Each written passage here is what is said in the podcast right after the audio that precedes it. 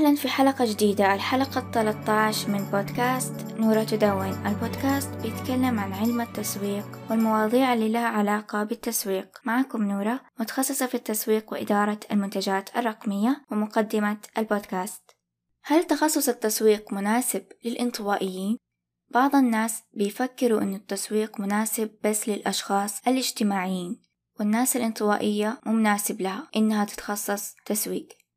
وهذا مفهوم خاطئ. مجال التسويق واسع وممكن للانطوائيين إنهم يصيروا ناجحين مهنيا في التسويق ويطوروا من نفسهم فيه إذا كانوا مستمتعين بهذا التخصص.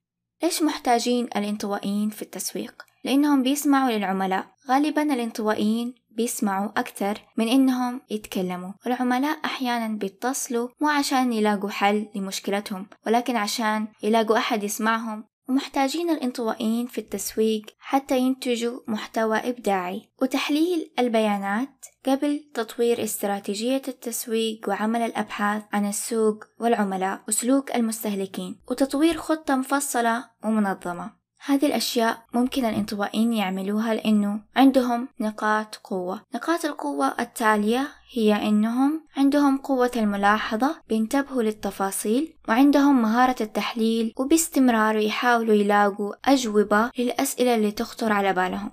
ودائما عندهم أفكار إبداعية وعندهم مهارة بناء العلاقات بيهتموا إنه يكون عندهم عدد محدود من الأصدقاء حتى يركزوا عليهم وتكون علاقتهم قوية. وممكن الأشخاص الانطوائيين ما يكون عندهم كل نقاط القوة اللي ذكرتها يعني ممكن يكون الجانب الإبداعي أكبر أو الجانب التحليلي المنطقي أكبر عندهم. ولأنه في نوعين من الوظائف في التسويق الوظائف الإبداعية والتحليلية.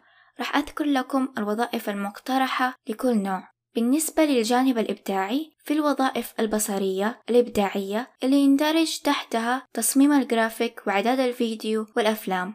وإذا كنتوا تفضلوا الكتابة عن التصميم فممكن العمل في كتابة المحتوى وكتابة الإعلانات.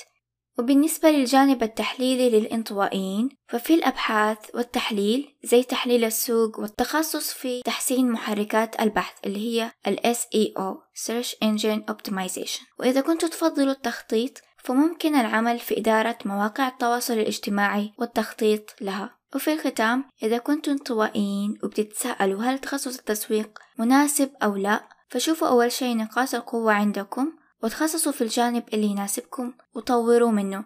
لا تنسوا إنه التسويق مجال واسع بيندرج تحته أكثر من الإعلانات والمبيعات. لا تنسوا تعملوا لايك واشتراك بالقناة. शुक्रिया